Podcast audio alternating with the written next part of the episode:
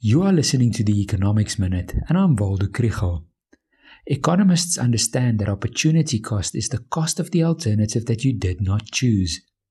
The past week, the opportunity cost of the tax on sugar sweetened beverages was in the spotlight. In 2018, South Africa introduced a so called sugar tax. It is a levy of 2.21 cents per gram of sugar in a soft drink. The purpose of the levy is to increase the price of soft drinks in order to reduce people's consumption and to fight obesity and diabetes in this way. And it seems to work. In 2018-19, 3 billion rand in tax was collected and 2.6 billion in 2019-2020. Soft drink producers have reduced sugar content, reformulated their products reduce the sizes of bottles and cans, and reduce the prices of low sugar products to encourage consumers to switch. But over the past week, a report on the economic impact of the tax on the sugar industry has made headlines.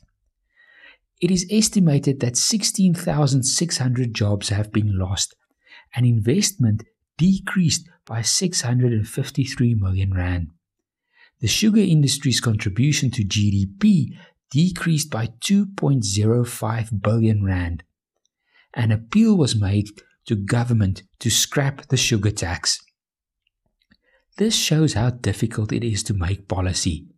It is clear that the sugar tax works. It has increased prices and reduced consumption to the point where the industry has come under pressure. The economic costs can be measured clearly and an industry interest group can mobilize around this.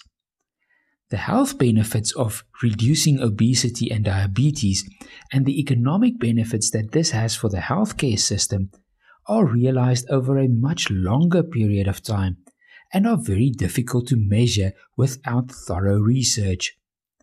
The report says that the industry bears the cost of this health intervention and that its benefits are not supported by evidence. But this is not entirely true. A study in Soweto shows that after the introduction of the tax, consumers drank a quarter less sugar sweetened beverages and they halved their intake of sugar and calories. It is especially the low income households that bear a heavier burden of obesity and diabetes that are better off. The question now is how does a policymaker strike the balance between benefits and costs. If you want to learn more about the economy, follow the Econ 101 page on Facebook.